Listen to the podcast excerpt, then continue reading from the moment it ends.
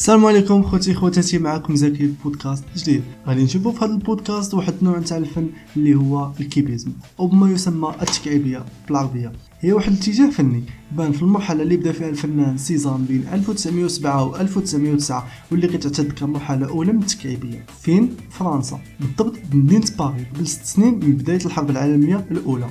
هذا الفن اللي كياخذ شكل من الاشكال الهندسية شي حاجة مهمة لإنشاء العمل الفني واللي انتشر بين 1907 و 1914 مع بابلو بيكاسو مع خوان غريس ومع بزاف الفنانين اللي كانوا في ديك la période. وكان لوي فوكسيل الناقد الفني أول واحد قال المصطلح نتاع التكعيبيه حيث كانت الأعمال كلها كتركز على مظهر التلال الصخريه والمنازل اللي كتشبه المكعبات. من بين المميزات نتاع النمط التكعيبي كان كيعتمد على الخط الهندسي مثلا الخط المستقيم والخط المنحني حيث كانت الأشكال كلها كلها اللي كيعتمد عليها إما أسطوانية أو دائريه وحتى المربعات والأشكال الهندسية المسطحة في المساحات اللي كتشمل الموضوع نتاعو وهنا تنوعات المساحات الهندسية في الأشكال تبعا لتنوع الخطوط والأشكال والاتجاهات المختلفة.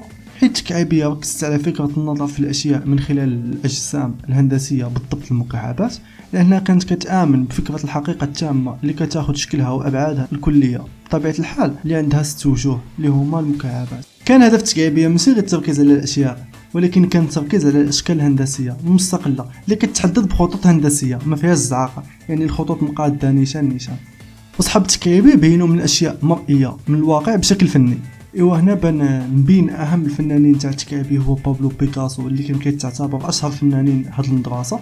كذلك الفنان جورج بريك وليجيه وجاك فيلون وسيزار. وبزاف نتاع les artistes اللي كانوا في ديك la période. ايوا سيادنا ببساطه ماشي شي حاجة جديدة حيت كانوا les artistes يموتوا على شي حاجة سميتها البساطة في الأشكال الهندسية شحال هادي.